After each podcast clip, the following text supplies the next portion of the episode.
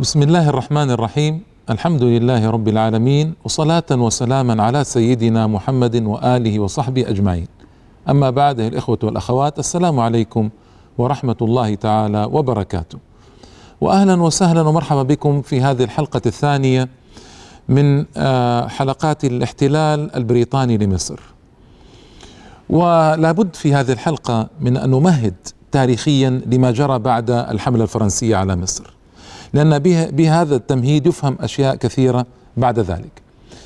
نحن نعلم من سرد الحلقات الماضية التي عرضت في قناة اقرأ آه، الحملة الفرنسية على مصر أن الدولة العثمانية استعانت بالإنجليز من أجل أن تخرج الفرنسيين من مصر. كانت الدولة العثمانية تدأت في طور الضعف آنذاك.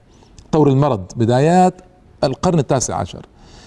فكان لابد أن تستعين بالإنجليز. ما تستطيع أن تقاوم نابليون ونابليون كان من أعتى وأقوى قوات أوروبا. ما تستطيع أن تقاومهم بمفردها فاستعانت بالإنجليز وتحالفت معهم من أجل إخراج الفرنسيين.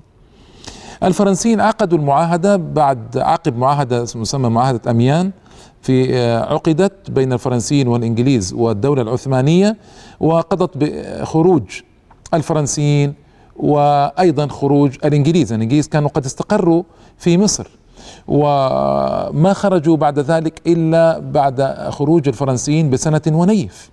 فقد كان هيتشنسون مثلا القائد الإنجليزي في إسكندرية مستقرا. كان قائد رمزي في القاهرة أمام القاهرة في الجيزة مستقرا. فكان هنالك وجود بريطاني في مصر. ما خرج إلا بعد أن ضغطت فرنسا بل أرسلت سباستياني إلى مصر من أجل أن يشرف على آه، خروج الفرنسي الإنجليز من من مصر ويكون عامل ضغط على الإنجليز. ففعلا الإنجليز خرجوا آنذاك.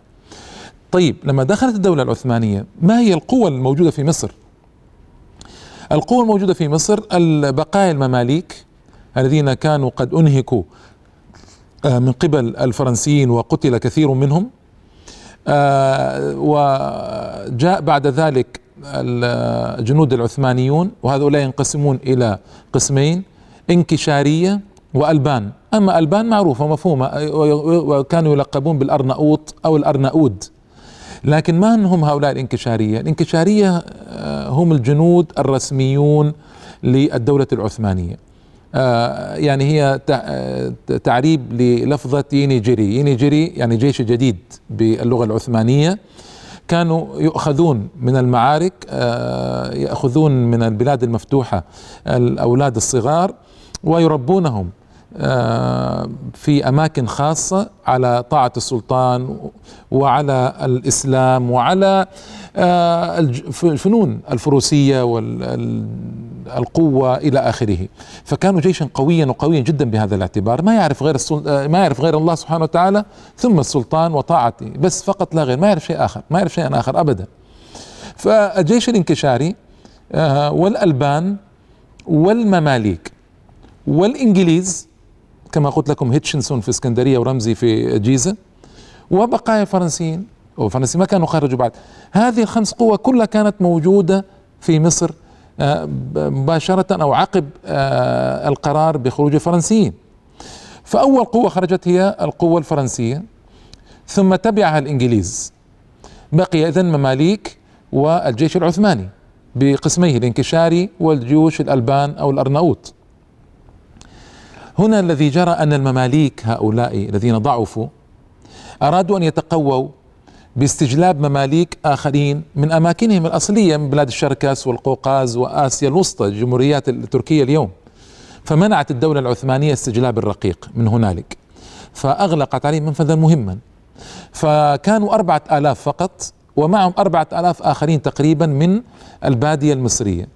فعددهم قرابة ثمانية آلاف يعني قوة محدودة العدد تقريبا ليست كبيرة وليست قليلة وسط.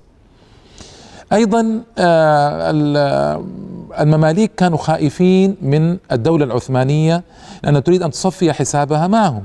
لأنهم آذوا الناس كثيرا واعتدوا عليهم كثيرا قبل الحملة الفرنسية على مصر. وأنا قلت لكم آنذاك أن أحد الأسباب الممهدات لنجاح الحملة الفرنسية على مصر هو أن المماليك كانوا قد استفرغوا الوسع في ظلم المصريين ومضايقتهم ومصادرتهم وفرض ضرائب باهظة عليهم مما أضعف الروح المعنوية للشعب المصري آنذاك شيئا ما.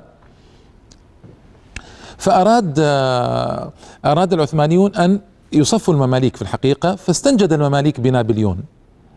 بعد خروج نابليون الآن استنجدوا به حتى يعود وقالوا له نعطيك ما شئت من امتيازات في مصر انظروا للخيانة لكن ارجع إلينا ونحن نستقبلك في مصر. لكن نابليون كان مشغولا بحروب أوروبا فلم يستجب. طيب المماليك حاولوا مع الإنجليز الذين كانوا في إسكندرية وفي الجيزة كما قلت لكم. كان عليهم قائد يسمى محمد الألفي. محمد الألفي هذا القائد هو قائد المماليك في مصر كان. لما خرج الإنجليز آه، بعد ضغط الفرنسي العثماني عليهم ليخرجوا آه، لما خرجوا من مصر آه، ذهب محمد الألفي معهم إلى إنجلترا. وتصوروا طبعا ماذا كان سيجري في إنجلترا من اتفاقات بينهم بين الإنجليز والمماليك برئاسة هذا محمد الألفي وماذا جرى من خيانات وتنازلات. ورجع محمد الألفي إلى مصر. رجع محمد الألفي إلى مصر محملا آه، بجعبة من الخيانات ومن الفساد ومن آه، التنازلات. الذي جرى آنذاك نبدأ بتاريخ الآن محمد علي بعد أن مهدت ذكر الحالة السياسية والعسكرية في مصر آنذاك. الدولة آه، العثمانية أرسلت واليا اسمه محمد باشا خسرو اختصارا خسرو باشا نشير إليه بخسرو باشا أرسلته إلى مصر ليكون واليا من 1213 إلى 1217 أربع سنوات بالنسبة لما أضاع التاريخ الهجري من 1801 إلى 1805 يونيو يونيو أربع سنوات كوامل كانت أشد الفترات في مصر صعوبة وبلبلة وقلقلة سياسية. تولى قريب سبع حكام أو جاء سبع حكام من قبل الدولة العثمانية قتل منهم اثنان وسجن آه، أربعة وثبت واحد ومحمد علي. وسأذكر ذلك إن شاء الله تعالى. الحالة الاقتصادية للسكان كان حالة صعبة جدا من حملة فرنسية ثم مجيء الإنجليز والعثمانيين فثلاث سنوات كانت عجافا على أهل مصر.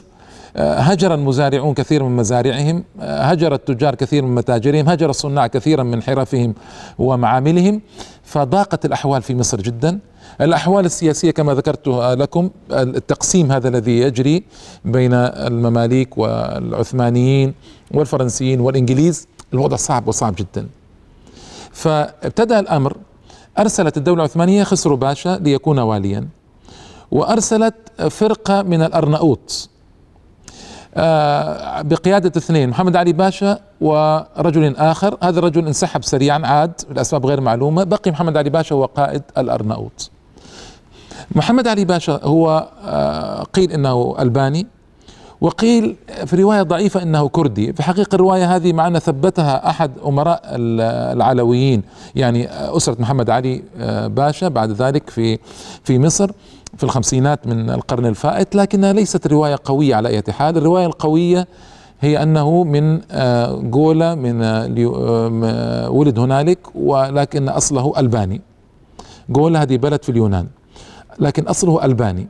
جاء مع الحملة وكان تاجرا يتاجر بالدخان وكان فارسا أيضا شجاعا طموحا ذكيا نابها. جاء مع الحملة وتوصل إلى أن يصير قائدا برتبة لواء على هؤلاء الأرناؤوط وكانوا قرابة أربعة ألاف شخص أربعة ألاف عسكري.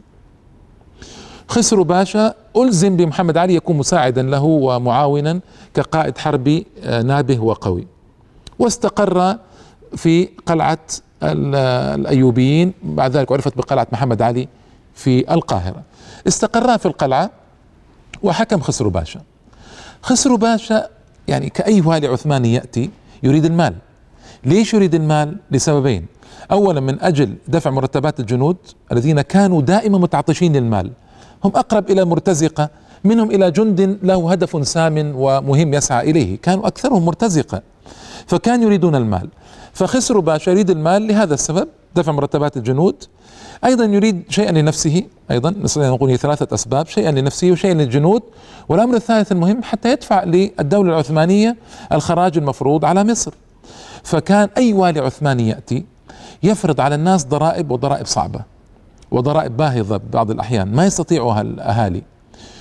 الذي جرى أن خسروا باشا ابتدأ بفرض الضرائب لكن الحاله المصرية العامة الاقتصادية كانت ضعيفة وضعيفة جدا. ما تسمح بتلبية هذه المطالب الثلاثة أو على الأقل مطلبين الأساسين آه، مرتبات الجنود وخراج الدولة. فبدأ جنود يثورون يثورون على خسروا باشا ويطلبون مرتباتهم. وبالذات الأرناؤوط يعني حاولوا طلبوا مرتباتهم. هنا آه، ما استطاع خسر باشا أن آه، يلبي طلباتهم فحاصره الجند الأرناؤوط وأخرجوه قسرا من القلعة وتوجه إلى دمياط متحصنا فيها. هذا خسر باشا. متحصنا تحصن في دمياط. وكلف الجند رجلا اسمه طاهر باشا الذي كان قائد الأرناؤوط هؤلاء كلفوه ليكون واليا على مصر إلى أن يأتي التكليف من الدولة العثمانية. طاهر باشا يريد أن يدفع مرتبات الأرناؤوط الذين ثاروا وهو كان رئيسهم أصلا فدفع مرتبات الأرناؤوط لما جاء الجند الانكشاري يا جندي العثماني الأصلي طالب بمرتباته قال أنا ما عندي أنا دفعت مرتبات الأرناؤوط فثاروا عليه دخل عليه اثنان من الجند آه، ضباط فقتلوه وقطعوا رأسه ورموه من النافذة. إلى هذا الحد وصل الأمر. إلى هذا الحد وصل الأمر بالجند وسيطرتهم على القائد. قتل طاهر باشا المسكين بدون ذنب لأنه سلم مرتبات الأرناؤوط هؤلاء. وسأكمل بعد الفاصل إن شاء الله تعالى اخوته والأخوات. أهلا وسهلا مرة أخرى ايها الإخوة والأخوات كنت وقفت قبل الفاصل لموضوع طاهر باشا هذا المسكين الذي قتل لأنه يعني سدد مرتبات الارناؤوط أو جنود الارناؤوط ولم يسدد مرتبات الجنود الانكشارية الأتراك. هنا لما قتل صار كما يقولون فراغ دستوري. ماذا يصنعون؟ ما هناك رئيس. كان هنالك وال آه، اسمه أحمد باشا آه، كان مارا مع بعض الجند الانكشاريين من إسطنبول إلى مصر إلى المدينة الذي عين واليا عليها المدينة المنورة النبوية على ساكنها أفضل الصلاة والسلام وأزكى التحية. وأحمد باشا هذا وجد مصر هكذا في فراغ جاء جند الانكشار إليه وطلبوا منه أن يكون واليا على مصر عوض أن يكون واليا على المدينة ويرسلون هم إلى الدولة العثمانية يخبرون بما بما جرى. يخبرونها بما جرى وهي بعد ذلك ترسل فرمان التعيين. وافق أحمد باشا. بالنسبة له مصر يعني كنز كبير. المدينة يعني مركز روحي رائع جدا وديني لكن مصر الفارق ضخم وكبير من الناحية المالية والمنصب والجاه إلى آخره. وافق أحمد باشا. لكن الذي عارض هو محمد علي والمماليك. ومحمد علي بالمناسبة كان له نظرة بعيدة وبعيدة وبعيدة جدا في قضايا أو في قضية السيطرة على مصر. يعني ابتدأ ابتداء متدرجا عجيبا وفق فيه ولا شك لكن أيضا ساعده نباهته وذكاؤه واعتداله آه، على الأقل أمام الشعب.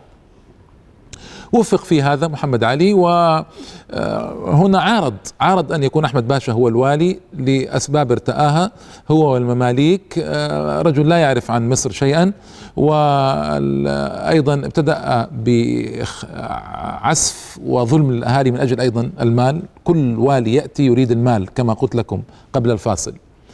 فحاصره محمد علي باشا والمماليك حاصروا أحمد باشا في القلعة واضطروه اضطرارا إلى أن يخرج من القلعه من القلعة هاربا إلى بلاد العرب كما كانت تسمى أي إلى المدينة ليكمل مهمته الأصلية التي جاء من أجلها.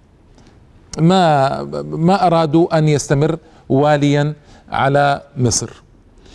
فالذي حصل أن جاءت الأنباء في هذا ذلك الوقت بوصول الألفي من إنجلترا والألفي كما قلت لكم ذهب مع الحملة البريطانية التي جاءت تساند الدولة العثمانية في إخراج الفرنسيين ورجع معهم الألفي إلى إنجلترا ثم جاء مرة أخرى إلى مصر. رجع إلى مصر. رجع مثقلا طبعا بالمؤامرات والخيانات والتنازلات. محمد علي وأحد آه، وخليفة الألفي اسمه عثمان البرديسي أحد المماليك آه، اتفقا على أن يحاربا محمد الألفي وفعلا كمنا له في الطريق مع مجموعة من الجند وشتتوا وشتتوا جميعا شمله وهرب محمد الألفي آه، واستطاع أن ينجو بنفسه بعد أن كاد يقتل. وتخلص محمد علي من الألفي على الأقل في هذه المرحلة. ماذا يفعلون؟ هناك أيضا فراغ دستوري. ما هنالك وال؟ آه، أرسلوا إلى محافظ الإسكندرية اسمه خرشيد باشا. خرشيد باشا كان محافظا الإسكندرية الإسكندرية كانت تتبع مباشرة للدولة العثمانية إلى ذلك الوقت. فأرسلوا له قالوا له هنالك آه، فراغ في الولاية تعال وتسلم الولاية. جاء خرشيد باشا فعلا وتسلم الولاية. تسلم الولاية آه، ولاية مصر منتظرا أن يبعث بفرمان عثماني لتثبيته. الذي حصل أن خرشيد باشا طبعا طلب المال أيضا. وطلبه بعسف وظلم وقلة حكمة وقلة ذكاء بغباء حقيقة. أجبر الناس إجبارا وأنزل جنده يضربون الناس ويأخذون منهم الأموال وحاصر التجار الكبار وحاصر الأوروبيين الموجودين والنصارى واليهود والشعب المصري والفلاحين و كل ذلك من أجل المال. هنا ظهرت أو ظهر شيء عجيب لأول مرة يحدث في مصر. وهو أن الشعب ثار على الوالي ثورة عارمة وسير مظاهرات في طرق القاهرة. بل إن النساء نزلن في يعني سابقة عجيبة من نوعها نزلن بالدفوف إلى الشوارع ويطالبن برفع هذا الذي جرى من مظلمة. وتحرك الشعب تحركا قويا. وكان على رأسه رجل عملاق في الحقيقة رائع وقوي أحد المشايخ الذين كانوا فعلا قائمين بدور أو بمهمة المشيخة. وكانوا آه، قائمين بما ينبغي أن يقوموا به لأن المشايخ كما نعلم في العصر الأخير ضعف مكان ضعفت مكانتهم جدا. لكن بقي لمشايخ المصريين في الحقيقة على رأسهم آه، هذا هذه الشخصية الرائعة وهي شخصية آه، نقيب الأشراف عمر مكرم عمر مكرم. عمر مكرم نقيب الأشراف في مصر وهو كان ذا منزلة عالية وعالية جدا في قلوب الشعب وفي عقولهم. وكان معه مشايخ مثل الشيخ شرقاوي عبد الله الشرقاوي والذين هؤلاء يعني مشايخ وقفوا أيضا ضد الحملة الفرنسية على مصر وكان لهم أثر مشرف في الحقيقة في جلاء الحملة. الشيخ محمد أبو الأنوار السادات أيضا أيضا كان شيخا له أثر مهم في مصر آنذاك وكان أيضا من الأشراف.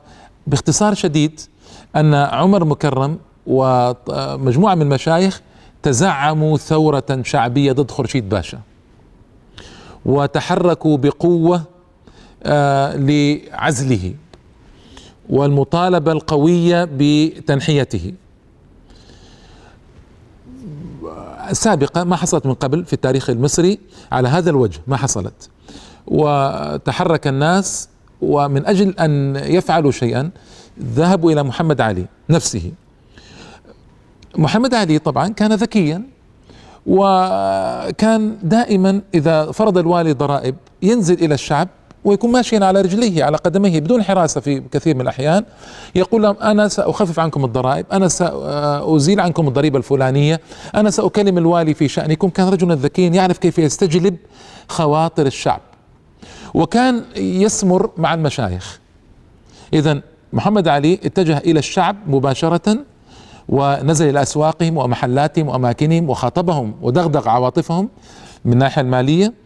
وأيضا آه، استمال المشايخ فكان يسمر معهم طويلا ويتناقش معهم ويتحدث معهم في ظلم الولاء إلى آخره. فأحبه الشعب وأحبه المشايخ. فجاء عمر مكرم والشيخ الشرقاوي إلى آه، محمد علي وطلب وطلب منه طلبا جازما بأن يعزل خورشيد باشا وأن لا نريد خورشيد باشا. قال طيب ومن أين آتي لكم بوال؟ قال لا نريدك إلا أنت واليا بشروطنا. بشروطنا. ماذا كانت شروطهم؟ هذه كانت لأول مرة يفرض الشعب وعلى رأسه المشايخ يفرضون شروطا على الوالي على الوالي في مصر. كانت شروطهم الاستشارة في الأمور المهمة عدم الظلم تخفيف الضرائب. وافق محمد علي على هذه الشروط. فألبساه القفطان يعني ملابس تدل على أنهم ارتضوه واليا وأعلنوا ذلك في مصر. خرشيد باشا ما وافق. خرشيد قال أنا وليت من قبل الدولة العثمانية ولا أنزع إلا من قبل الدولة العثمانية من باب العالي كانت تسمى آنذاك الباب العالي. فإذا أتى فرمان من باب العالي أنا مستعد. فقال أصر عليه الشعب والمشايخ وحاصروه. حاصروه لأول مرة يحاصر آه، والي من قبل الشعب والمشايخ. حوصر واضطر اضطرارا للخروج من القلعة يعني الخروج من الولاية. وعين محمد علي باشا من قبل الأهالي والمشايخ واليا على مصر في سنة 1220 قبل 200 سنة من الآن تقريبا وعشر سنوات في سنة 1805 في مايو. كانت سابقا يفرض الشعب رأيه وأن يولي الحاكم بشروطه التي ارتآها وهي مراعاة الشرع وعدم الظلم وتخفيف عن الشعب في الضرائب واستشارة الزعماء الشعب على رأسهم المشايخ. سابقة رائعة وجميلة جدا في التاريخ المصري الحديث. السلطان كان في إسطنبول كان السلطان سليم الثالث. سلطان سليم الثالث ارتأى أن يقع عند يقف عند هذا الحد وينزل على رأي الشعب فأرسل فرمانا آه، عثمانيا بتثبيت آه، خيار الشعب محمد علي باشا ليكون واليا على مصر. آه، محمد علي طبعا جاء والأمر في غاية من القلقلة والوضع مضطرب جدا. المماليك ما زالوا متحكمين وعلى رأسهم عثمان البرديسي. والجيوش الانكشارية في الشوارع تظلم الشعب وتعتدي على المحلات وتسرق الناس وربما حصل حالات من الاغتصاب والعياذ بالله. فاضطر هنا إلى يتعامل مع مماليك اولا. فضيق على البرديسي الذي كان ساعده الأيمن في كل أو في كثير من الأمور الماضية كما شرحت لكم. ضيق على البرديسي وأخرجه من القاهرة هو وأكثر المماليك وصفت القاهرة لمحمد علي باشا. وكل هذا كان يراقبه الإنجليز بعين فاحصة. والإنجليز كما تعلمون عندهم مبدأ بطيء لكن أكيد سلو باتشور بطيء لكن أكيد. فكانوا يراقبون الموقف منذ أن خرجوا من مصر وأعينهم على مصر. وكانوا قريبين طبعا ممن؟ من السلطان العثماني. في إسطنبول. فكان وضع محمد علي آه، يسوءهم. ولا يريدون ولاية قوية في مصر. وخافوا من انفراد محمد علي في مصر. خافوا من انفراد محمد علي في مصر آه، حتى لا تكون آه، مصر ولاية قوية تزعجهم وتضايقهم وتقضي على آمالهم في السيطرة عليها بعد ذلك. فصار يوسوس للخليفة العثماني أو السلطان العثماني في إسطنبول. الإنجليز آه، عن طريق آه، سفيرهم في إسطنبول يخوفونه من محمد علي. فأصدر قرارا بعزله وتوليته آه، ولاية سلانيك. الشعب أيضا ما ارتضى والعلماء ما ارتضوا ذلك وراسلوا الخلافة العثمانية وطلبوا منها تثبيت محمد علي. وكان هنالك مندوب عثماني جاء من قبل الخليفة. أيضا طلبوا منه تثبيت محمد علي باشا على ولاية مصر. لم يجد السلطان العثماني أمام الضغط الشعبي بدا من أن يتنازل لتثبيت محمد علي مرة أخرى بعد سنة وبضعة أشهر. أرسل فرمانا آخر بتثبيته في 1223 هجري 1808 تثبيته على ولاية مصر. آه، في الحلقة القادمة إن شاء الله تعالى سأتحدث آه، أكمل الحديث عن محمد علي حديث في غاية من الأهمية وعن مؤامرات الإنجليز في خلعه أو مضايقته. إن شاء الله تعالى وإلى اللقاء. والسلام عليكم ورحمة الله تعالى وبركاته.